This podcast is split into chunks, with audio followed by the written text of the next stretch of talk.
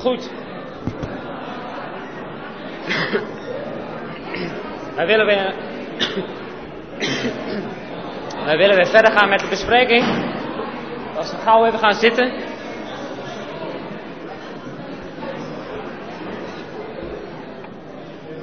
Als we gauw even gaan zitten. Want ik werd er al op gewezen dat we vijf minuten uitloop hebben al. Dus die uh, moeten we weer inhalen. Bedankt. Uh, voordat we verder gaan met de bespreking wil ik graag even het woord geven aan Ombed. Ombed wil nog wat zeggen. Nadat Ombed wat gezegd heeft, is er nog gelegenheid om wat met elkaar te zingen. Dus als er nog liederen zijn. En dan zal ik daarna wel uh, voor gaan lezen waar we verder gebleven, waar we gebleven waren. Dus eerst Ombed. Ja?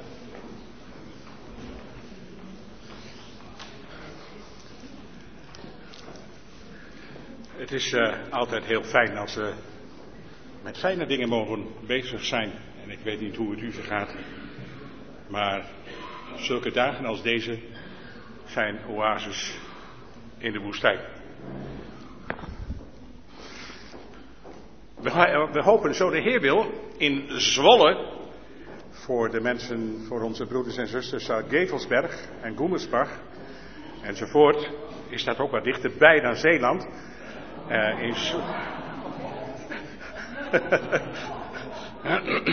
hopen wij, zo de Heer wil, op tweede paasdag hopen wij grote vergadering te hebben. En die begint om tien uur aan de kerk, en dan moet u even onthouden, aan de Esdoornstraat. Dus de kerk Esdoornstraat.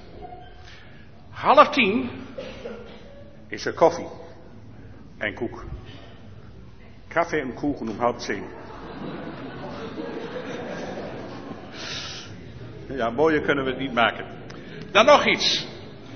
We hebben uh, er lang over nagedacht hoe verder. Maar wij hebben in de voorgaande jaren hebben we altijd een gezinsconferentie gehad. Die hebben we vorig jaar niet kunnen houden in verband met het feit dat de accommodatie niet beschikbaar was. Dat moet je tegenwoordig twee jaar van tevoren moet je dat vastleggen. En we hebben dit jaar opnieuw de accommodatie in Helvoort, dat is een klooster, uh, voormalig klooster moet ik zeggen, hebben we weer vast kunnen leggen voor 3, 4 en 5 mei. 3, 4 en 5 mei in Helvoort in het klooster. Voormalig klooster. Uh, de conferentie begint om 11 uur s morgens op 3 mei. U kunt zich aanmelden op www.openjebijbel.nl. Ik herhaal dat. www.openjebijbel. En er staat niet achter bid elke dag, maar openjebijbel.nl.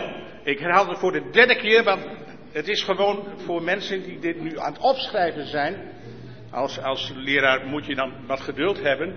Dus ik zeg het nog één keer. 3, 4 en 5 mei in Helvoort. De conferentie begint om 11 uur. Je kunt je nu aanmelden, dat wil zeggen als je een telefoon hebt met e-mail, op www.openjebijbel.nl. Ik krijg een hint van mijn vrouw. Het onderwerp, ja. Het onderwerp is Gideon. Geen uh, richteren 6 en 7. Allen, ook voor de jongelui, hartelijk welkom. Er is een programma voor de basisschoolkinderen, s'morgens. Smiddags is het tijd en gelegenheid voor sport en spel. En uh, s'avonds hebben we ook nog weer een programma. Er zal iemand iets vertellen over het werk van de Heer. Uh, geloof me niet dat je niks te doen hebt. Er is genoeg te doen. Allen hartelijk welkom.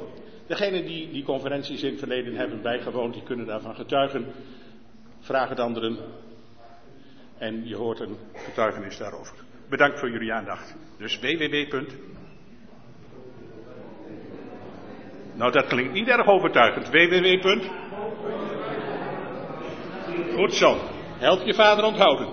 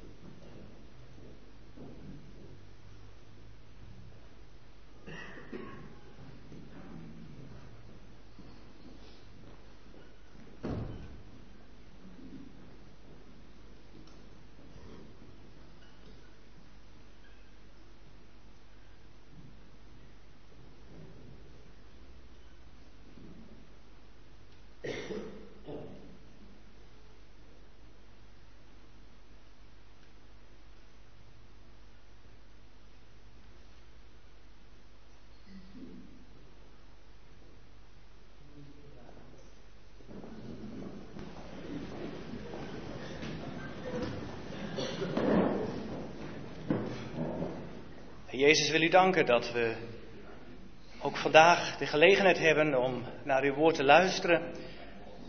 En dat het bijzonder uw persoon mag zijn die voor onze aandacht mag staan. Als voorbeeld in het leven van de apostel Paulus, in zijn gezindheid, in zijn liefde voor de gelovigen in Filippi. En hoe hij ons voorstelt hoe een volwassen, een rijpe gelovige mag zijn. We willen u bidden, Heer, of uw woord ertoe mag bijdragen. Dat we ons allen daarna mogen uitstrekken om te groeien in het geloof. Om verder te komen, om los te komen van omstandigheden, moeite en zorgen in ons leven. En u voor ogen te hebben en als inhoud van ons leven.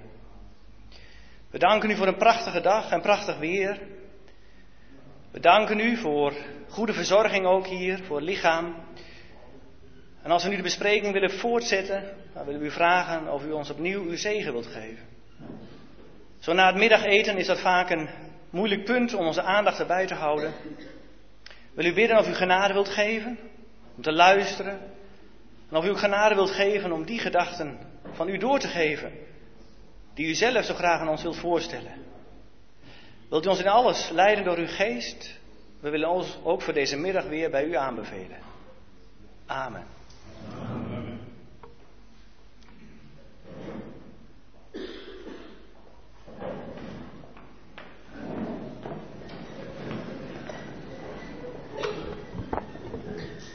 Na de middag is het inderdaad altijd een moeilijk punt. Maar uh, we houden het normale programma aan. Het is maar drie kwartier nu. Dus ik denk dat drie kwartier moet op zich wel te doen zijn om toch met Gods woord bezig te zijn. Uh, we hebben vanmorgen de inleiding gehad. En uh, ook vers 1 en 2. En ik heb, wij hebben, ik heb mijn schoonvader gevraagd om het samen te vatten. Om vervolgens toch verder te gaan met vanaf vers 3. Zodat we toch het hoofdstuk in kunnen. Het idee was aan het begin van de dag om het hele hoofdstuk te doen. Maar ik ben er nu al wel achter dat we dat waarschijnlijk niet gaan redden. En er zit ook geen druk op. Maar het is denk ik toch, toch goed om het samen te vatten om vervolgens verder te gaan met de volgende versen. Filippi 1 vanaf vers 3. Ik dank mijn God telkens als ik u gedenk. Altijd in gebed van mij voor u allen met blijdschap biddend. Wegens uw gemeenschap met het evangelie vanaf de eerste dag af tot nu toe. En dit vertrouwen dat hij die een goed werk in u begonnen is, het ook zal voltooien tot op de dag van Christus Jezus. Het is immers terecht dat ik dit van u denk, omdat u mij in uw hart hebt en u allen, zowel in mijn gevangenschap als in de verdediging en bevestiging van het evangelie, mede deelgenoten bent van mijn genade. Want God is mijn getuige, hoezeer ik naar u allen verlang met het hart van Christus Jezus. En dit bid ik, dat uw liefde nog meer en meer mag overvloeien in kennis en alle inzicht, om te beproeven wat het beste is, opdat u zuiver en onberispelijk bent tegen de dag van Christus, vervuld met de vrucht van de gerechtigheid die door Jezus Christus is, tot heerlijkheid en lof van God. En ik wil dat u weet, broeders, dat mijn omstandigheden veel tot bevordering van het evangelie hebben gediend, zodat in het hele pretorium en in, aan alle overigen duidelijk is geworden dat ik in gevangenschap ben om Christus wil. En dat, en dat de meeste van de broeders in de Heer vertrouwen hebben gekregen door mijn gevangenschap, om des te overvloediger het woord van God zonder vrees te durven spreken. Wel predik ook sommige Christus uit afgunst en twist, maar sommigen ook met goede bedoelingen. Deze wel uit liefde, daar zij weten dat ik tot de verdediging van het evangelie ben gesteld. Maar anderen verkondigen Christus uit partijzucht, niet zuiver, met de bedoeling verdrukking aan mijn gevangenschap toe te voegen. Wat doet het ertoe?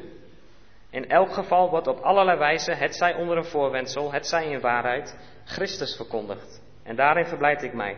Ja, zal ik mij ook verblijden. Want ik weet dat dit mij tot behoudenis zal strekken door uw gebed en de bijstand van de geest van Jezus Christus. Volgens mijn rijkhalzende verwachting en hoop, dat ik in geen enkel opzicht beschaamd zal worden, maar dat met alle vrijmoedigheid, zowel, zoals altijd ook nu, Christus wordt groot gemaakt in mijn lichaam. Het zij door het leven, het zij door de dood. Want te leven is voor mij Christus en te sterven is winst. Maar moet ik blijven leven in het vlees, dan is dat voor mij de moeite waard. En wat ik moet kiezen, weet ik niet. Maar ik word van beide kanten gedrongen. Ik verlang er naar heen te gaan en met Christus te zijn, want dit is verreweg het beste. Maar in het vlees te blijven is nodiger te willen van u. En in dit vertrouwen weet ik dat ik zal blijven en bij u allen zal blijven tot uw bevordering en blijdschap van het geloof. Opdat uw roem nog overvloediger is in Christus Jezus door mij. doordat ik weer bij u ben. Alleen, wandelt waardig het evangelie van Christus, opdat het zij ik kom en u zie, het zij ik afwezig ben, in uw omstandigheden hoor dat u vaststaat in één geest, terwijl u één van ziel meestrijdt met het geloof van het evangelie. En dat u in geen enkel opzicht door de tegenstanders laat afschrikken. Voor hen is dit een bewijs van verderf, maar voor u van behoudenis en dat van Gods wegen. Want, het is, want u is het geschonken ten aanzien van Christus, niet alleen in Hem te geloven, maar ook voor Hem te lijden, daar u dezelfde strijd hebt die u in mij hebt gezien en nu van mij hoort.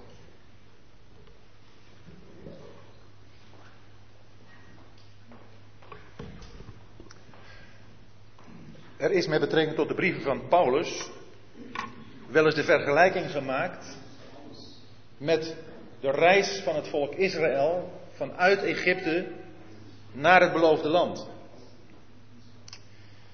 Als we bedenken dat Israël in Egypte in slavernij was en daaruit verlost is, door de Rode Zee heen gegaan is en in de woestijn is gekomen, dan vinden we dat als onderwijs in de brief aan de Romeinen. De brief aan de Romeinen maakt ons duidelijk wie wij van nature waren en wat we door het geloof in de Heer Jezus geworden zijn, gerechtvaardigd. Nadat het volk door de Rode Zee is heen gegaan, is het in de woestijn gekomen. En dat is voor het geloof nu de wereld. De wereld is voor ons een woestijn geworden. De wereld die eerst toen we ongelovig waren, heel veel aantrekkelijks voor ons had.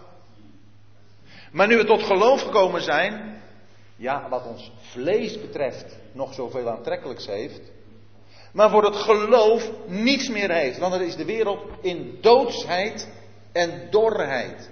En dat is wat Israël heeft ervaren toen ze door de woestijn heen gingen. Daar zijn ze op de proef gesteld. Daar is uit hun hart naar voren gekomen wat er aan opstandigheid was, ongeloof en zijn ze ook gestraft. Kwam Gods tucht. Dat vinden we bijvoorbeeld in een brief als die aan de Corinthiërs. Of de brief aan de Hebreeën. We zouden kunnen zeggen dat zijn zogenaamde woestijnbrieven. Die ons een heleboel vertellen over ons zijn in deze wereld. Waar we ook geconfronteerd worden met onszelf. Als het volk door de woestijn heen is gegaan, dan zijn ze terechtgekomen tenslotte in de velden, de vlakten van Moab. In het boek Numeri lees je daarover aan het eind van het boek Numeri. En in de velden van Moab, dan zijn ze vlak voor de Jordaan, dan hebben ze als het ware de blik op het land. In de velden van Moab krijgen ze schitterende dingen te horen. Nou ja, niet het volk, maar wij. In wat Biliam daar allemaal over dat volk zegt. Maar ook wat in het boek Numeri, in het boek Deuteronomium, door Mozes allemaal verteld wordt over dat land. Want het boek Deuteronomium, en dan komen we bij de brief aan de Filippiërs. Het boek Deuteronomium geeft een terugblik op de hele woestijnreis van het volk. En geeft een vooruitblik naar het verblijf in het land. Daar horen we Mozes spreken met een hart vol van wat het land is. En dat is de brief aan de Filippiërs. Daar horen we een man spreken met een hart vol van de hemel. En als ik zeg vol van de hemel, wat is vol van de hemel zijn? Vol van Christus zijn. Want Christus is de heerlijkheid van de hemel. Om het even af te ronden, dan hebben we de brief aan de Efeziërs en de brief aan de Colossers die ons eigenlijk verplaatsen aan de andere kant van de Jordaan, ons al in het land laten zijn en dan al die zegeningen die daar door Mozes als het ware voorgesteld zijn, in bezit gaan nemen.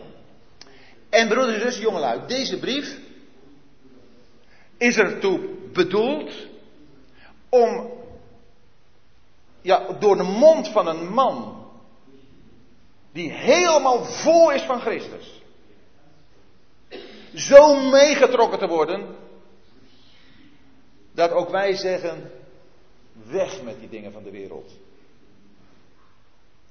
In hoofdstuk 3, schade en drek is het allemaal.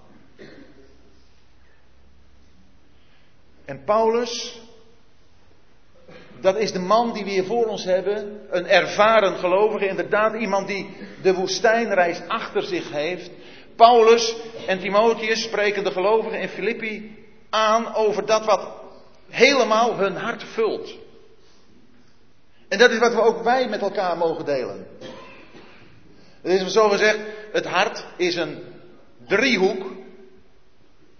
En als je daar de ronde wereld in doet, in die driehoek, dan zijn er altijd drie punten die niet gevuld zijn. De bol van de wereld kan de driehoek van het hart niet vullen. Maar Christus kan het hele hart vullen tot in de uithoeken ervan. En geeft een geweldig motief om voor te leven en door moeilijkheden heen te gaan. Paulus schrijft deze brief niet vanuit een comfortabele hotelkamer. Hij schrijft deze brief vanuit gevangenschap. Beperking in de vrijheid. Maar het is ook al gezegd, daar houdt Paulus zich helemaal niet mee bezig. Wij worden ook alleen maar uitgetild boven de omstandigheden als we Christus voor onze aandacht hebben. En zo schrijft hij aan de gelovigen in Filippi, met wie hij een hele hartelijke band heeft. Want er is ook wat dat betreft, het is niet alleen maar zo dat het eigen hart met Christus gevuld wordt. Het is ook zo dat waar het hart vol van Christus is, er ook onderlinge saamhorigheid zal zijn. Eenheid zal zijn. één van zin, één van doel. De sterkste band die ons bindt is Christus. Christus, in wie de gelovigen, alle heiligen zijn, in Filippi. Dus ik denk dat als wij dit meenemen, dat het gaat om toewijding aan Christus, dat het gaat om vol zijn van Christus, dat het gaat om leven voor Christus, en dat het het enige is wat werkelijk vrede geeft. En ik denk, of je nou jong bent of oud, maar als je al enige ervaring opgedaan hebt met Christus, dan weet je, heb je ervaren dat dat het enige is wat werkelijk vrede en rust geeft. Paulus en de gelovigen in Filippi hadden een enorm hartelijke band. En we gaan nu naar vers 3.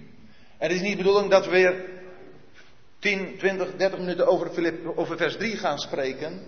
Maar als inleiding op de volgende versen toch nog een woord over dat vers 3. Paulus die had zo'n hartelijke band met de gelovigen in Filippi. Dat zodra hij aan hen dacht, telkens als u gedenkt, gaat hij danken. En dat is ook bij ons zo.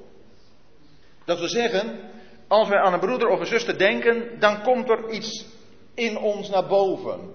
Wat voor gevoelens zijn dat?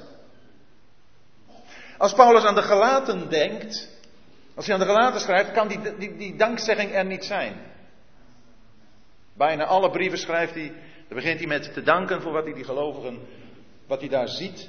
Maar bij de gelaten niet. Dat was wetticisme. En dan kon hij niet danken. Want als je elkaar gaat bijten en opeten, dat is echt niet zoiets om uh, blij over te worden. Maar hier gaat hij danken. Zo, zodra hij aan die gelovigen denkt, gaat hij danken. En ik denk dat dat ook een, een oefening voor ons wordt. Zodra wij aan gelovigen denken, een gelovige, laten we dan in elk geval proberen om eerst eens te denken van, waar kan ik bij die gelovigen voor danken? Het is gewoon een oefening. Als het hart vol is van Christus, zal ik in die gelovigen iets ontdekken van Christus. En dan ga ik danken. En dat danken, dat gaat dan over, zoals het in vers 4 staat, in bidden.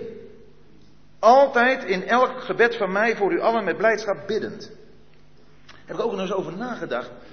Kijk, ook als je nog eens ergens komt, we komen allemaal wel eens ergens. Ergens anders in een, een gemeente of zo. En is dat dan vanaf dat moment dat je daar geweest bent, iets, iets beleefd hebt van, van hartelijkheid, van gastvrijheid, van verbondenheid?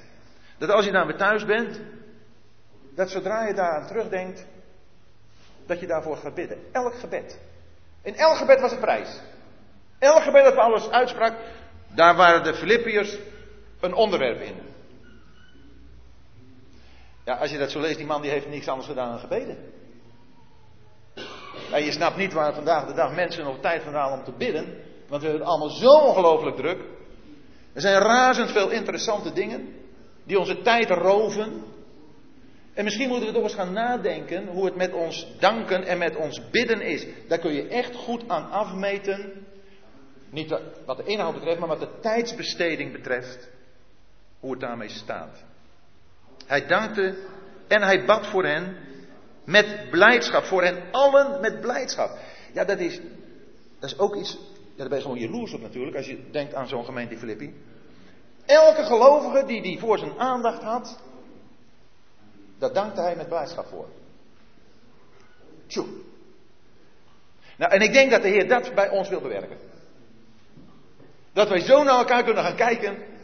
Dat we zeggen, nou, broeder, zuster, ik vind het geweldig je weer te zien. Ik dank de Heer dat ik je mag kennen. Kunnen we ook best eens tegen elkaar zeggen, want dat zegt hij hier ook hoor. Hij zegt tegen die gelovigen in Filippi: Ik dank God voor jullie. En ik bid God voor jullie. Dat is bemoedigend. En dat is denk ik waar een hart dat vol van Christus is, toe komt. En waar ook alleen een hart dat vol van Christus is, toe komt. Want anders gaan we elkaar afbreken in kritiek. En het is juist zo mooi om hier te zien hoe het anders kan. En het is een test voor mij. En het is een test denk ik voor ieder van ons. Dat wij gaan danken. Mijn God, zegt hij. We hebben het gehad over relatie. Hij had een persoonlijke relatie met God. Mijn God. Ik dank mijn God telkens als ik u gedenk. Altijd in elk gebed van mij voor u allen met blijdschap biddend. Goed, de andere dingen kunnen anderen weer iets over gaan zeggen. Maar dit als inleiding en ook voor het uh, vervolg van dit prachtige hoofdstuk.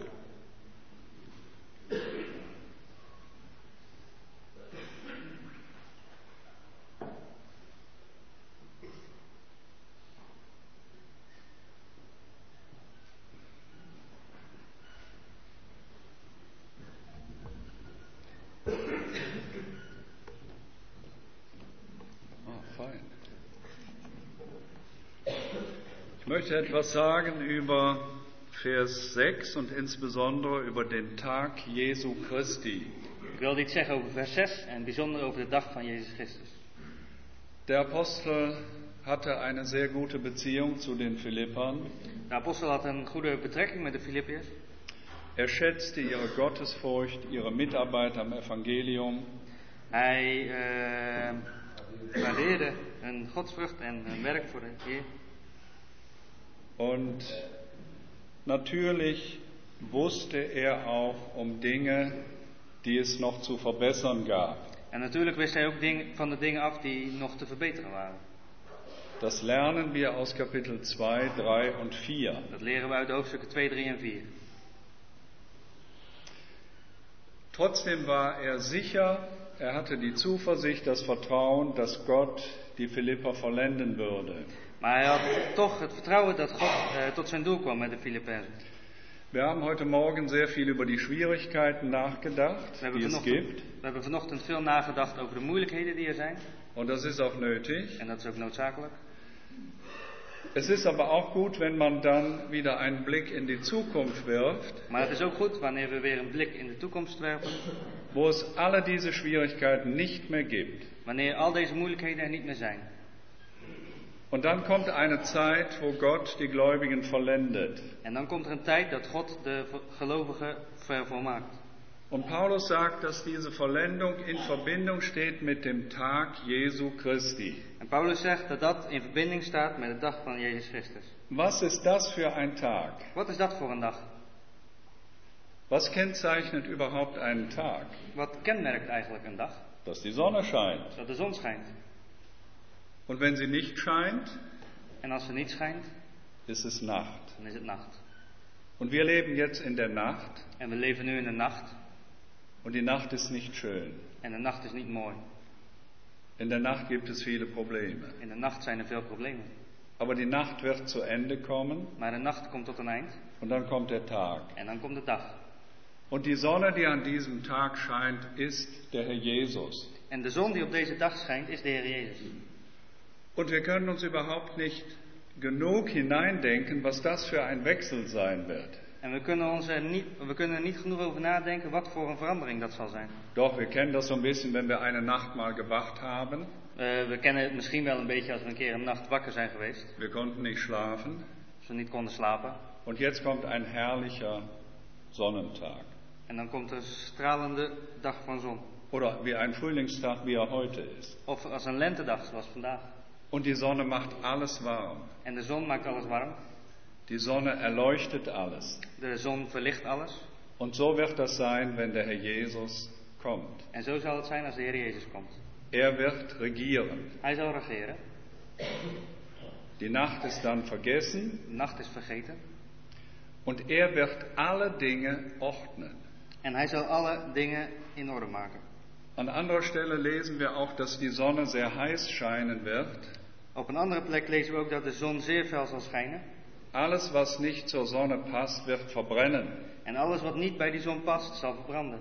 Alle Gottlosen werden gestraft. Alle goddelozen zullen worden gestraft. Und die, die dann übrig bleiben hier auf der Erde, En diegenen die overblijven hier op de aarde, gehen in eine wunderbare Zeit des Segens ein. gaan in in een wonderbare tijd van zegen. Damit habe ich jetzt versucht, ein bisschen zu umschreiben, was der Tag des Herrn ist. Daarmee heb ik geprobeerd een beetje te omschrijven wat de dag van de Heer is. Der Tag des Herrn ist die öffentliche Erscheinung des Herrn Jesus für die ganze Welt. De dag van de Heer is de openbare verschijning van de Heer Jezus voor de hele wereld. Wir wissen, dass der Herr Jesus einige Zeit, bevor er öffentlich erscheint, We weten dat de Heer Jezus, voordat hij openlijk verschijnt, wiederkommt, um die Gläubigen zu entrücken. zal wederkomen om de gelovigen op te nemen. Und in gewissem Sinne kann man sagen, dass für uns dann der Tag des Herrn anbricht. En je zou kunnen zeggen dat voor ons dan de, de dag van de Heer aanbreekt. Auf einmal wird alles hell. Opeens wordt alles licht. Dunkle Stellen in unserem Leben gibt es nicht mehr. Donkere plekken in ons leven zijn er niet meer. Die Gläubigen sind vollendet. De gelovigen zijn voleindigd. Alle Probleme sind weg. Alle problemen zijn weg. Wir werden uns alle sehr gut miteinander vertragen können. We kunnen allemaal heel goed met elkaar overweg. Wir haben die Sünde nicht mehr in uns. We hebben de zonde niet meer in ons. Es ist unvorstellbar schön. Het is onvoorstelbaar mooi. Und im Grunde möchte der Herr, dass dieses helle Licht schon jetzt in unsere Herzen scheint. En in principe wil de Heer dat dat helle licht nu al in onze harten schijnt. Einmal werden wir vollendet sein. Eenmaal zullen we volleind, voleindigd zijn. Es war der Wunsch des Apostels, dass sein ganzes Leben offenbar war vor dem Herrn. Het was de wens van de apostel dat zijn hele leven openbaar was voor de Heer. Und das wünschte er auch für die Philipper. En dat wenst hij ook voor de Filippen. Und wünschen wir uns das nicht auch? En wensen wij ons dat ook niet, Dann sind wir vollendet. dan zijn we voleindigd. Alle Probleme sind weg. Alle problemen zijn weg. Wir finden den Tag, äh, den Tag Christi noch einmal in Vers 10. We vinden de dag van de Heer nog een keer in vers 10. Wir kommen noch zur Betrachtung dieses Verses. Dat zullen we nog bespreken.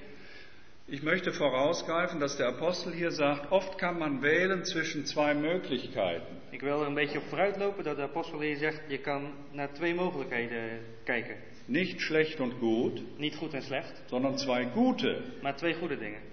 Und Paulus wünscht sich für die Philipper, wenn sie die Wahl haben zwischen zwei guten, En Paulus wenst dat de Filippenzen, wanneer ze de keuze hebben tussen twee dingen, dass sie das Bessere wählen, tussen twee goede dingen, dat ze het beste, dat ze het beste wensen. dass ihr Leben lauter und ohne Anstoß wird. Dat hun leven zuiver en onberispelijk is.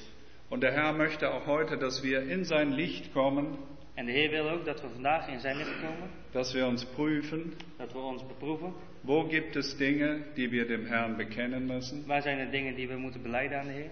Dinge, die uns daran hindern, dass der Herr Jesus alles wird für uns. Dingen die verhinderen dat de Heer Jezus alles wordt voor ons. Und wie schön wäre das, wenn wir unser Leben prüfen würden En hoe mooi zou het zijn als we ons leven beproeven zouden. und uns fragen, hat das, was wir tun, Bestand in Ewigkeit? En ons afvragen, heeft dat wat we doen, bes- kan dat nog bestaan in de eeuwigheid? Das wünscht der Herr auch für dich und mich. Dat wenst de Heer ook voor jou en mij.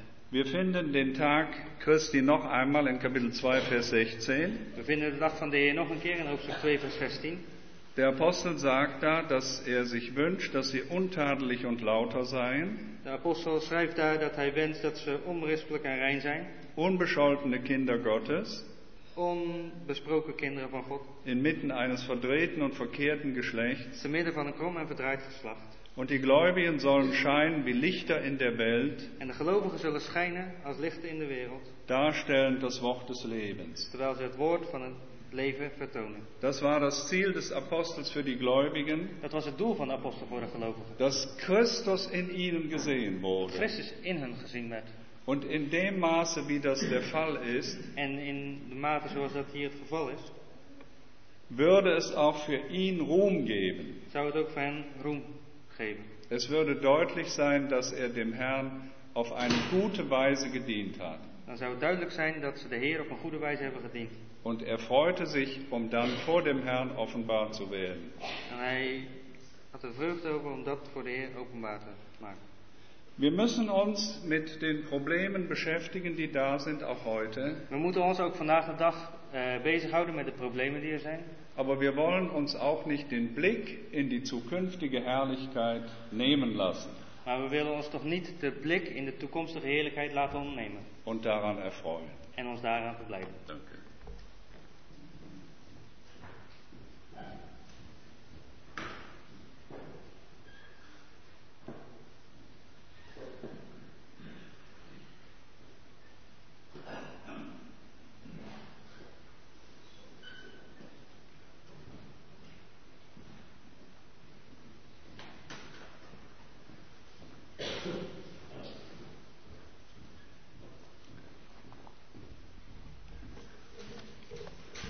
Vor einigen Tagen war ich an dem Sterbebett einer lieben Schwester. Een aantal dagen geleden was ik aan het sterfbed van een geliefde zuster. Und zwei Monate vorher war sie hier in diesem Ort. En twee maanden geleden was ze hier in deze plaats. Und sie ist eine Einkaufsstraße lang gegangen in Richtung Meer. En ze is de winkelstraat ingegaan in de richting van de zee. Und ihr Mann sagte zu ihr, schau mal, du hast früher immer die Geschäfte besucht und hast viel eingekauft. En haar man zei tegen haar, kijk eens, vroeger was je hier ook vaak en heb je vaak aankopen gedaan in deze winkels. Und sie sagte dann, ich brauche es nicht mehr. Ich habe hier nur noch einige Tage zu leben. En zij zei toen, dat heb ik niet meer nodig, want ik heb nog maar een paar dagen te leven. Und sie ging die Straße entlang in Richtung Meer und sah die untergehende Sonne. En ze ging door de straat in de richting van de zee en ze zag de ondergaande zon. Es war Tag. Het was dag. Sie sagte, ich kam der Sonne immer näher. En het leek net of ze de zon steeds dichterbij kwam. Und sie dachte an die Stelle, was es für eine Wärme sein muss, dort zu sein, wo die Sonne der Gerechtigkeit ist. En ze dacht aan het vers van wat het een warmte moest zijn waar de zon van de gerechtigheid is. Auf ihrer Todesanzeige steht, der Herr ist mir von fern erschienen, Op haar rouwkaart stond de Heer is mij van ver verschenen. so wie die Sonne ihr von fern erschien hier am Strand. Net zoals de zon haar van ver bescheen op het strand. Und sie sagte mir, alles fiel ab, was für mich früher von Wichtigkeit war. Ze zei tegen mij, alles wat belangrijk was voor mij vroeger is van mij afgevallen. Auf dem Weg zum Meer und im Angesicht der Sonne, Op de weg naar de zee en in het, en in het gezicht van de zon. Angesichts dieses Tages, dieses Sonnentages, En in het vooruitzicht van deze dag, deze zonnendag, wurde plötzlich die Zeit im Licht der Ewigkeit so bedeutungslos. werd de tijd in het licht van de eeuwigheid waardeloos. Wurden alle zeitlichen Dinge bedeutungslos. werden alle tijdelijke dingen waardeloos. Und das ist genau das, was wir vielleicht auch hier in diesem Text haben. Wir is, haben, dat is ook dat wat we hier in deze tekst hebben. wir haben hier in diesem Text ein durch fünf Aussagen erneuertes Ich. We hebben de hier in deze tekst een door vijf eh, uitspraken vernieuwd ik. Man könnte fast an Galater 2, Vers 20 denken, ich lebe, aber nicht mehr ich, sondern Christus lebt in mir. Denn unser, mein Leben oder unser Leben ist Christus. We kunnen aan Galaten 2 denken waar staat ik leef niet meer, maar Christus leeft in mij, want ons leven is Christus. Das christliche, erneuerte Ich beginnt immer mit Dank, Vers 3. Het christelijke vernieuwde ik begint altijd met dank in vers 3. Und dann wendet es sich zu Gott, um zu flehen für die Heiligen. En dan Vers wendt hij 4. zich tot God om te bidden voor de heiligen in vers 4. Es schaut auf Gott und wird guter Zuversicht, Hij kijkt naar God Vers 5. in vers 5. Und erwartet von Gott, dass er ein Werk tut in den Herzen der Gläubigen En hij verwacht van God dat hij een werk doet in de harten van de gelovigen und es auch vollenden wird. en het ook zal voltooien. Und dann weiß er, dass die Gläubigen in Philippi ihn im Herzen haben. En dan weet hij dat de gelovigen van Filippi hem in het hart hebben. Vers 7. Vers 7. Und dann sagt er in Vers 8, denn Gott ist mein Zeuge, wie ich mich nach euch allen sehne, mit dem Herzen Christi Jesu. En dan zegt hij in vers 8, want God is mijn getuige, hoezeer ik naar u allen verlang met het hart van Christus Jezus. Das ist nicht das Wort, was sonst für Herz gebraucht wird, sondern das, was sehr oft für den Herrn Jesus in seinem Leben gebraucht wird, wenn es heißt, er war innerlich bewegt über die Menge, die nichts zu essen hatte. En dat is niet het woord wat normaliter voor hart wordt gebruikt, maar het woord wat ook eh, in de evangelie wordt gebruikt als de Heer Jezus zegt dat hij innerlijk bewogen werd. Christus ist sein Leben. Christus is je leven. Er schaut auf den Tag Christi, sieht sein Leben im Licht des Preisrichterstuhls Christi Hij kijkt naar het licht en hij denkt aan de dag van de rechterstoel, de dag van Christus. und deswegen kann er sich sehnen mit dem Herzen Christi Jesu nach allen Heiligen. En daarom kan hij verlangen naar het hart van Christus met alle heiligen.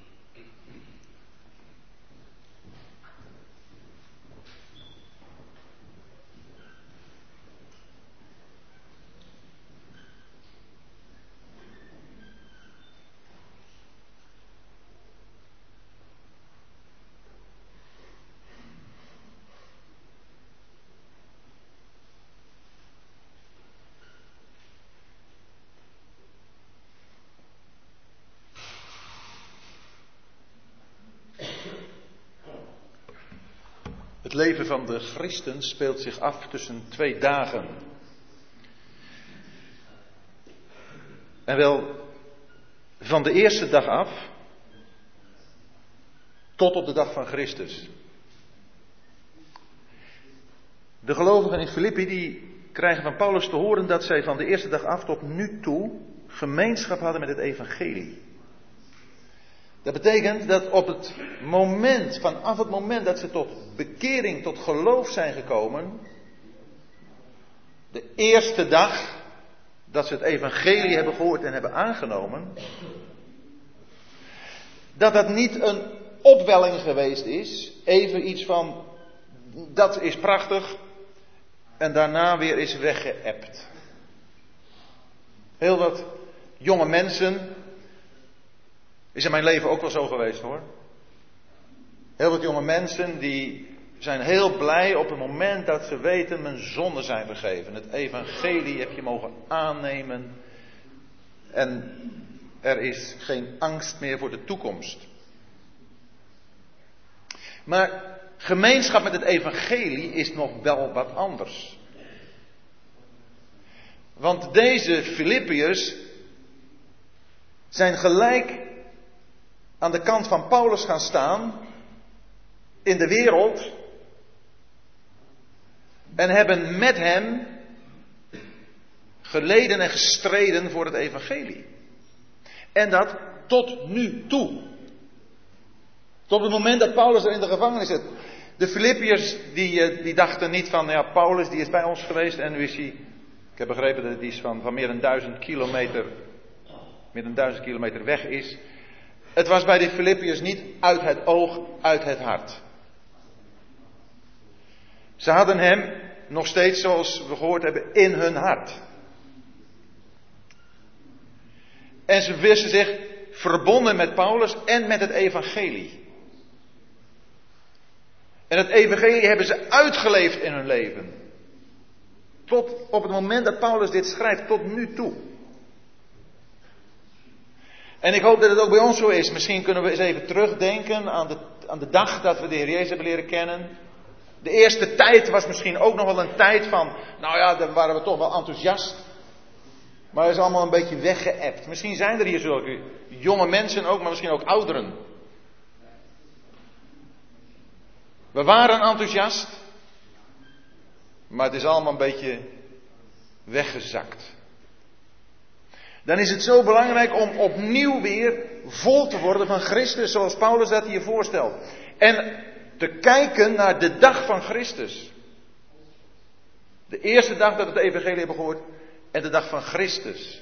Als ons hele leven openbaar zal worden voor de rechterstoel van Christus. Tussen die twee dagen speelt ons hele christelijke leven zich af. En ik hoop en bid voor mezelf en voor elk van ons dat dat een periode, de hele periode van ons christelijk leven op aarde, een periode zal zijn die gekenmerkt wordt door gemeenschap met het evangelie. Deelhebberschap. En het gaat maar niet alleen om het feit dat wij dan het evangelie verkondigen, want evangelie is veel meer dan alleen de prediking dat mensen zich moeten bekeren. Het evangelie is de hele raad van God. En als we daarin gaan leven, dan zal het ook een getuigenis zijn. En dan hebben wij ook Paulus in ons hart, mag ik het even zo zeggen.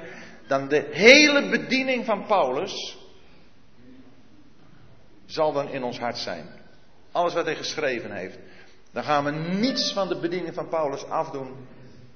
Maar willen we alles wat hij door Gods geest, onder de besturing van Gods geest, aan ons heeft doorgegeven wat we in het woord hebben, zal ook in ons hart zijn. En dan zullen we, en dan zullen we ook mee, meewerken, bijdragen aan de roem die Paulus ook dan die dag zal krijgen.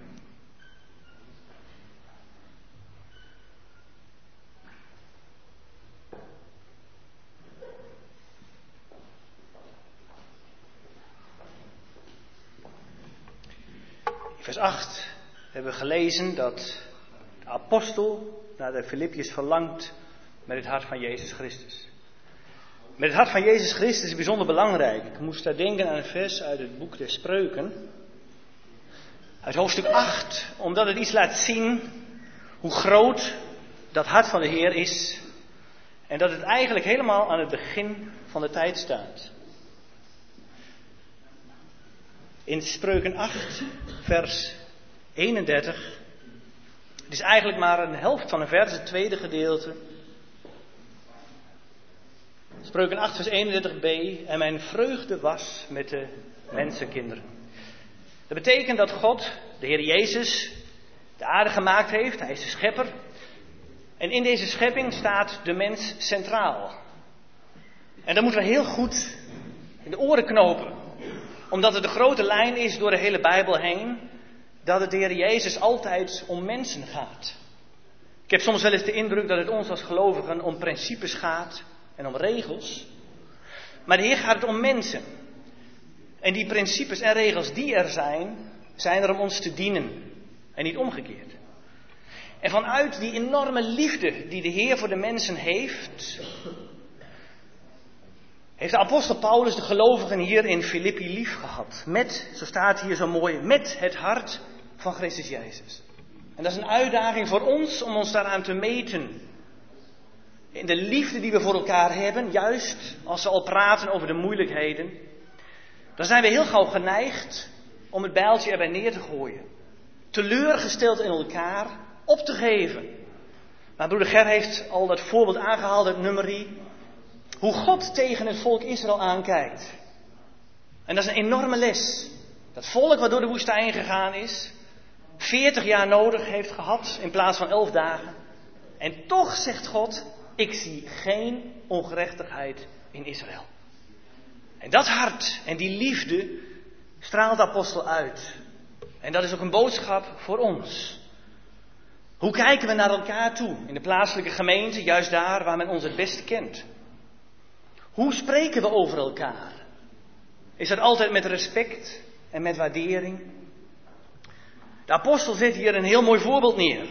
In hoofdstuk 2 kan hij dan ook zeggen: Laat ieder de ander uitnemender achten dan zichzelf. Ook een opdracht voor ons. Als naar de ander kijken, om altijd in die ander iemand te zien die kostbaarder is en waardevoller dan onszelf. Deze gezindheid mogen we de Heer dienen.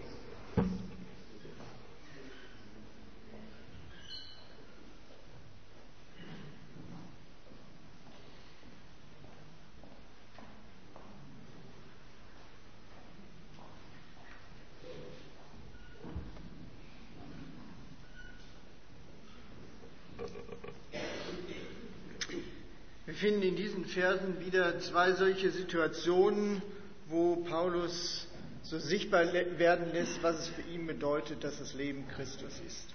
We, zien, we hebben hier weer eh, twee dingen waarin Paulus laat zien dat het leven van Christus is. Wenn er an die Versammlung in Philippi dachte, Als hij aan de gemeente in Filippi denkt, dann wissen wir aus den weiteren Kapiteln, dass er wusste, was bei ihnen los war. dan, le- dan weten we uit de volgende hoofdstukken dat hij wist wat er aan de hand was daar. Er wusste, dass da so ein kleiner Spaltpilz sich eingefunden hatte. Hij wist dat er een heel klein haarscheurtje ontdekt was. Und Paulus wusste auch, was daraus werden konnte. Und Paulus wusste auch, was daraus werden konnte. En Paulus wist wat daaruit zou kunnen voortkomen.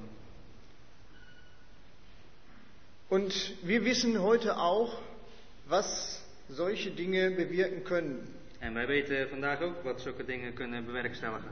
Die meisten von uns haben da große Erfahrungen mit. De meeste van ons hebben daar veel ervaring mee.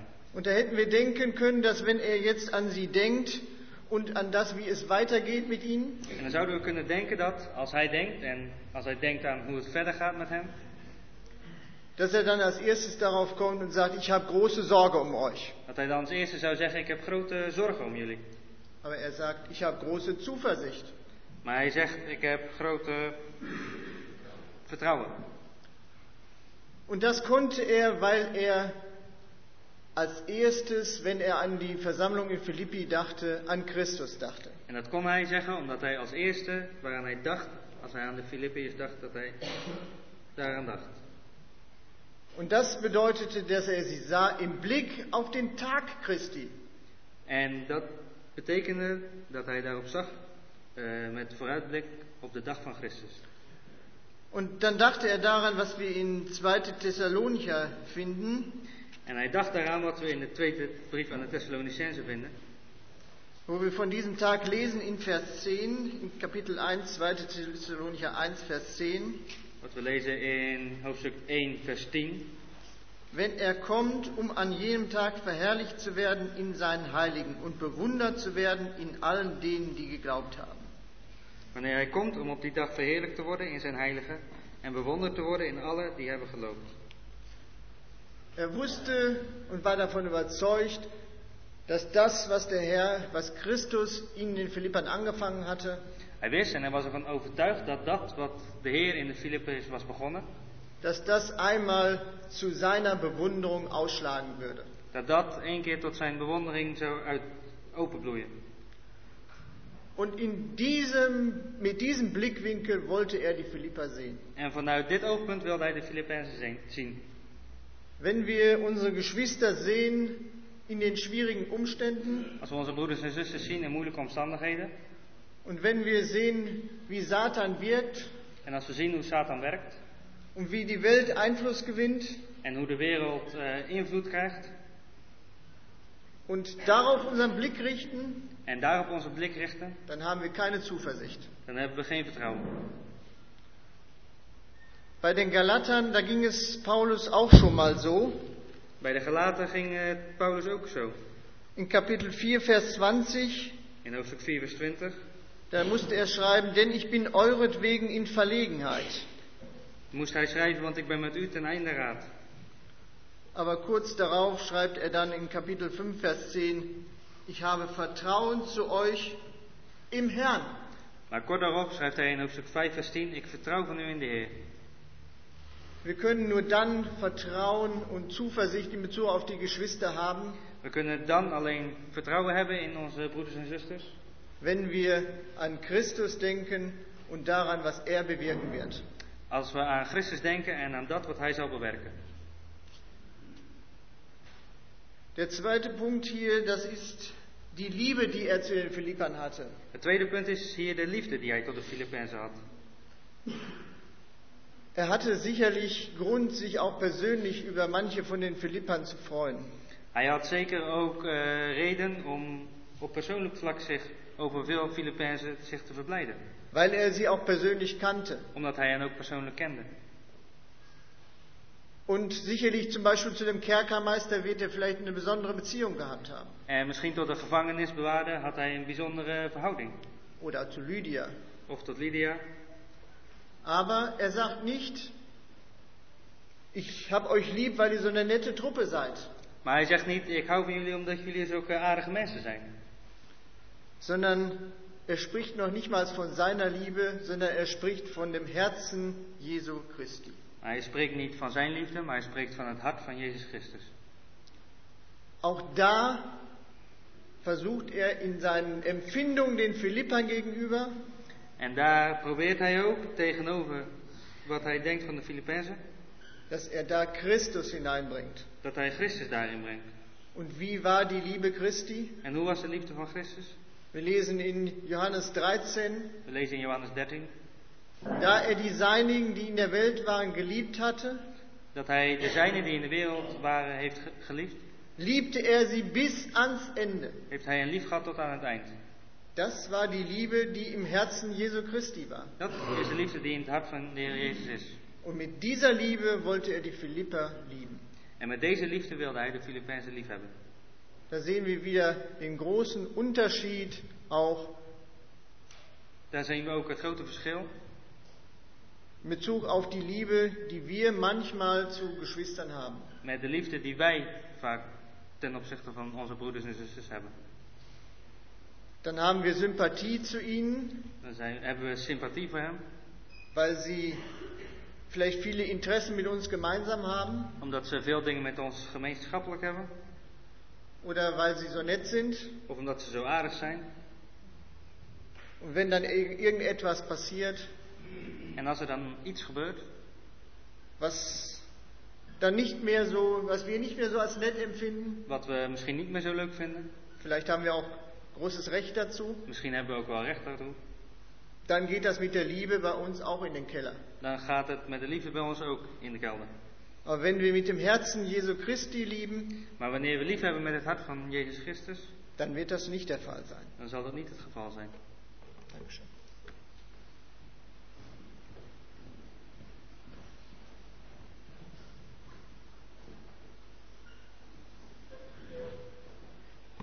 Wij zien dat die apostel Paulus hier zich toch plaatst in de eindeloze of de eeuwige feiten. En dat is heel bijzonder. Hij spreekt in het begin hier, ik dank mijn God. En God is mijn getuige. Hier zien wij een man die voor God leeft. God is iemand die hij kent, dag voor dag. Ik weet dat broeder David maar eens zei, de momenten dat wij in de tegenwoordigheid van God zijn, zijn soms enkele minuten op een dag of minder. We zijn vaker in het midden van onze broeders dan in de tegenwoordigheid van God. En ik vraag je heel eerlijk, wanneer heb jij voor het laatst de tegenwoordigheid van God beleefd? Dat je stil werd, dat je bewust werd dat je met eeuwigheid te doen had. Wanneer was het laatste keer? Paulus leefde voor God. Dat wordt iets heel bijzonders. Een leven voor die eeuwige God. Die wij mogen kennen. En dat is het tweede punt. Door de blijde boodschap. Dat is alleen de weg waardoor God zich aan het licht kon stellen. Zoals we dat, ik denk vanmorgen, is dat misschien aangestipt worden in 2 Korinthe 3 en 4 vinden. God kon niet in het wet zich openbaren. Maar in de blijde boodschap kunnen wij nu de heerlijkheid van God zien. In het gelaat van de Heer Jezus. Volmaakt geopenbaard. Wij kennen God. Dat is ook hetzelfde wat wij in Thessalonië, 1 Thessalonië 1 vinden. Dat ze zich tot de levende God bekeerd hebben. Zijn we ons dat nou bewust dat wij die eeuwige, enige God mogen kennen en voor Hem mogen leven. En Paulus voelt zich hier als een kanaal doordat de genade van God stroomt. En is dat niet eigenlijk wat wij alles zouden moeten leren? Ik weet dat broeder Wikram aan het eind van zijn leven gezegd heeft, it ran through me. De genade liep door mij heen. Ik was alleen een instrument. En zo voelt zich hier Paulus. Hij zegt, ik ben nog alleen een instrument waardoor God werkt. En ik zie in jullie Filippenzen, zie ik het werk van God. En dat maakt mij zo dankbaar. Hij zag heel scherp dat dat de genade van God bezig was. En hij zag het in het volle licht van die dag van het Heer. En uh, misschien mag ik daar even nog iets aanvullen. Elke dag in de Bijbel is door iets gekentekend. We hebben in 1 Korinther 4 dat Paulus spreekt over de dag, over een menselijke dag. Onze tijd is nu eigenlijk gekentekend door de dag van de natuurlijke mens. Die alles beheerst, die zijn indruk geeft van deze dag. Maar straks zal de dag van de Heer komen. En deze dag heeft te doen met de wereld, absoluut. En dat is een dag waar de Heer naar voren komt. En waar alles door Hem bepaald wordt. Waar Zijn autoriteit, Zijn rechten teruggegeven worden aan Hem.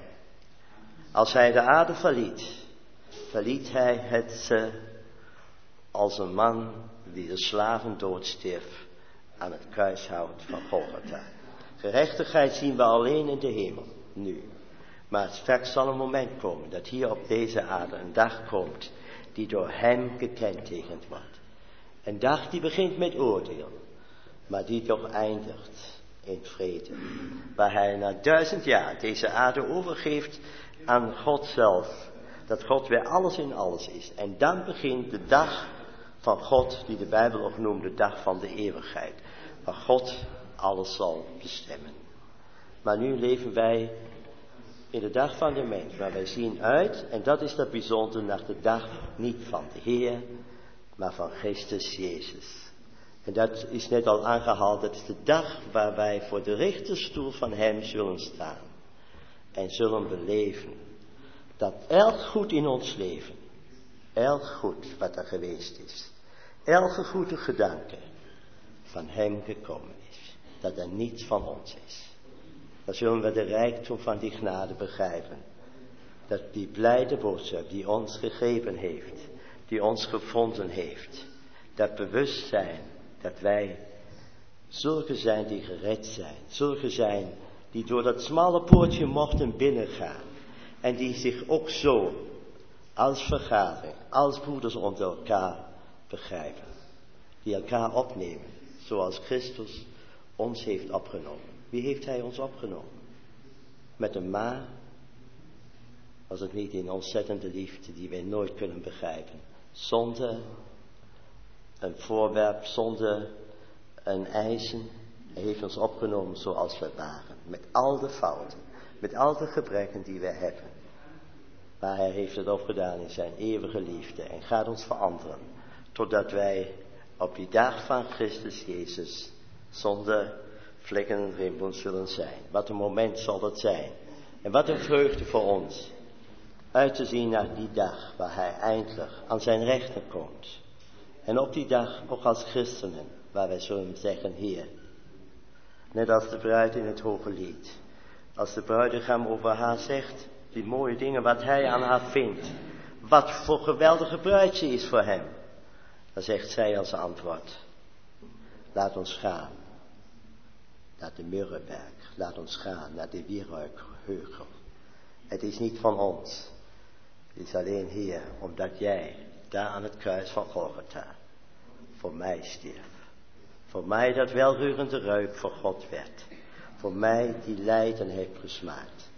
Daardoor alleen is in mijn leven iets goeds gekomen wat de Heer welgevallen aan vinden kan.